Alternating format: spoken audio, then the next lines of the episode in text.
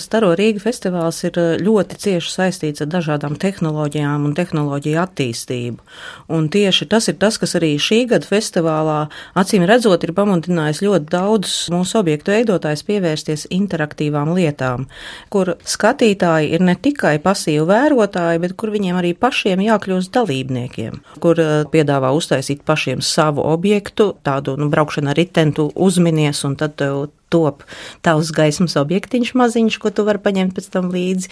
Ir ļoti interesanti objekti, piemēram, Pētera baznīcas objekts, kur mūsu portugāļu sadarbības partneris Okubo ir veidojis tādus gaismas gleznojumus. Šī gadījumā ar Latviju rakstiem, ar dažādām Latviju zīmēm, tu vari izveidot pats savu īpašu, unikālu ornamentu kombināciju. Katrs cilvēks var pats piedomāt, paskatīties un ar šo skārienjūtīgā ekrāna palīdzību arī uzveidot, kā mēs esam nosaukuši 98 gaismas gleznas. Tā ir brīva vaļa darboties un līdzdarboties. Māris Kāva, zinu, ka jūs nodarbosieties ar Janu Rozantālu un gaismu uz Nacionālā mākslas muzeja fasādes. Jā, tā ir. Saprotu, ka katrs apmeklētājs līdzdarbosies Rozantāla gleznu uzburšanā. Jā, jā, tas mums tā nācās interesanti, jo gleznas vērošana, tāds subjektīvs pārdzīvojums visnotaļ katram, tas iedvesmas avots it kā ir iztēle cilvēku cilvēka, kas notiek viņa galvā, ka viņš skatās uz mākslas darbu. Tas ir interesanti. Un tad izaicinājums, kā būtu, teiksim, ja viens cilvēks nevarētu to ieslēgt, šo ilūzijas vizualizāciju ja būtu vajadzīgi vairāki cilvēki. Un tā mēs nonācām pie tā, ka mums ir uh, tādi sensori, kur ir jāpieliek roka. Minimums sanāk, ka būtu jābūt trīs cilvēkiem, lai ieslēgtu šo gleznu, jo ir sešas rokas vajadzīgas. Tur ir tā uztaisīts, tagad. tikko tu pieskaries, tu to redzi, jo projekcijā parādās viena sastāvdaļa no konkrētās gleznas. Vispār mums būs piecas gleznas, kas ir animētas, un tad savācoties sešiem šādiem laukumiem, glezna atdzīvojās. Vai tiešām tagad Staro Rīga ir tik jau arī niansēs bagāta, ka var rozentāla gleznas parādīt. Mums jāiet dziļumā, jāiet dziļāk saturā, ir jāiet uz specifiskākiem uzdevumiem. Jo sākotnēji tāds gaismas festivāls vai arī priekšnesums, kas saistīts ar projekciju vai ar gaismu, viņš it kā ir izklaide. Un it kā šķiet, ka tas ir tāds konfekte, ko ātri apēd un aizmirst. Bet es domāju, ka tam medijam attīstoties, un arī Staro Rīga jau kuru gadu attīstoties, mēs atrodam to, ka tas ir izteiksmes līdzeklis, lai kaut ko pateikt arī. Kaut kas varbūt arī uztverē paliek. Šis ir īstenībā ļoti labs sarunu temats, jo tas ir tiešām jautājums par izklaidu vai mākslu. Šie mākslinieki, kas veido šos gaismas objektus, patiesībā ir ikvienā no šiem objektiem ielikuši kādu dziļāku domu. Pat arī vienkāršas gaismiņas vai gaismas instalācijas var izstāstīt stāstu. Un pēc būtības gaismas festivāls pārvērš pilsētvidu. Viņš ļauj uz dažādām vietām pilsētā paskatīties mazliet savādāk. Tāpēc arī man ir ļoti liels prieks, ka šogad mums ir gan mūsu pašu mākslinieki, mākslinieki, gan arī ļoti daudz starptautiskie mākslinieki. Kāds ir tas samērs?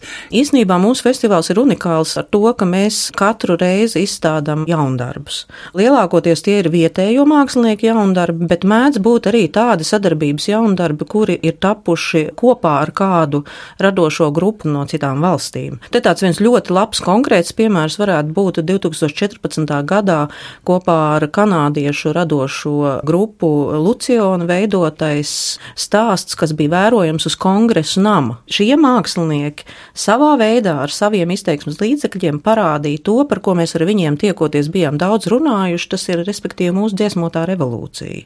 Un viņi to parādīja caur zemūdens pasauli. Un ar šo grupu, piemēram, mums jau ir izveidojusies ļoti laba sadarbība, un viņi būs arī klāt šajā festivālā. Viņi ir atveduši mums objektu gaismas vēlējumi. Tas atradīsies Jēkaba aukumā, un, ja tev ir viedtālrunis, tad tu vari vai nu arī īsiņu vai ar gaismu, ko viedtālrunis dod ārā no jebkurš telefons, tad tu vari vai nu zīmēt šos vēlējumus, vai arī uzrakstīt šos vēlējumus. Kur apmeklētājs var savu roku pielikt vēl? Tāds ļoti savdabīgs objekts, kur ir arī ļoti interesants tehnoloģiskais risinājums. Tas ir uh, uz Rīgas pils kastēlas torņa. Nosaukums ir action painting, kas ir gleznošanas virziens. Šķiežot krāsu, veidojās gleznojums. Te var būt varbūt tās nebūs jāpieliek roka, bet tiešām reāli paņemot rokā otu, it kā liekot šos krāsas striepienus uz pilstorņa. Protams, tas viss notiek virtuāli. Tā pašā laikā blakus tu redzi tehnoloģiski, kādā veidā tas e, notiek un kā tas pārnesās uz šīs pilstorņa fasādes. Ļoti daudz interesantas lietas, ko cilvēkiem ne tikai pašiem darīt, bet arī padomāt, kā vispār arī šīs tehnoloģijas ir ienākušas mūsu dzīvē, kā mēs viņas lietojam un cik daudz ar to var izdarīt. Nu jā, staro Rīga, tas tiešām tagad arī tāds piedzīvojums pašam kaut ko jaunu darīt. Acīm redzot jau, ka jūs zināt tās skatītāju mīļākās vietas. Mēs esam šobrīd palikuši pilsētas centrālajā daļā, jo arī šis ceļojums uz pilsētas centru tiem, kas nedzīvo pilsētas centrā, arī ir tāds svētku gājiens. Mēs pat citreiz esam arī teikuši, ka gaismas festivāls ir faktiski tāda liela formāta izstāde, kur cilvēki izstaigā kopā ar draugiem, kopā ar ģimenēm. Šogad mums ir apdzīvoti visi vecrīgas laukumi. Mums būs apdzīvots gan rāts laukums, gan līva laukums ar liela formāta gaismas instalācijām. Līva laukumā tās būs abažūra buķi puķetes, bet rātslaukumā būs vesels dārs, skaists puķu dārs, lielizmēra gaismas instalācija puķu dārs. Bet savukārt doma laukums mums būs apdzīvots ar ļoti jaukiem, mīļiem austrāliešu mākslinieces Amandas Parēras veidotiem trušiem, lieliem gaismas trušiem, kas, domāju, ļoti patiks gan lieliem, gan maziem bērniem. Truši jau patīk visiem. Atklāšana 17. datumā 17. sāksies gaismas festivāls Staro Rīga. 17. datumā, 2017. tiek ieslēgti pilnīgi visi objekti. Visi sāks darboties 17. 2017. Es ieteiktu atvērt mūsu mājaslapu, paskatīties ah. mājaslapā, jo mājaslapā jau šobrīd ir izvietota visu objektu apraksts. Mm -hmm. Nevis, nu tā kā lai saka, noskriet garām, bet tik tiešām varbūt eh, iemest acis šajos aprakstos. Tas arī ļaus labāk saprast, kas tur īsti tiek rādīts. Piemēram, mēs varam vērot sešu japāņu mākslinieku mapping projekciju kolekcijas, kas ir uh, bijušas viņu īpašajā konkursā, kas Tokijā katru gadu tiek rīkots. Sešas minūti garas vizuāls gleznas uz viesnīcas Rīga fasādes.